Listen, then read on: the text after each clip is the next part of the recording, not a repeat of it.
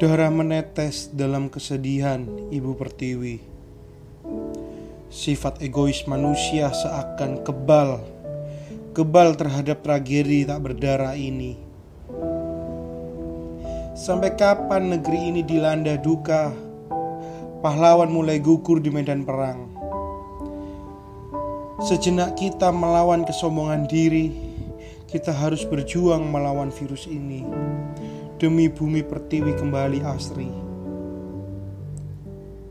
Salam dariku untuk negeri, semoga kebahagiaan menghampiri.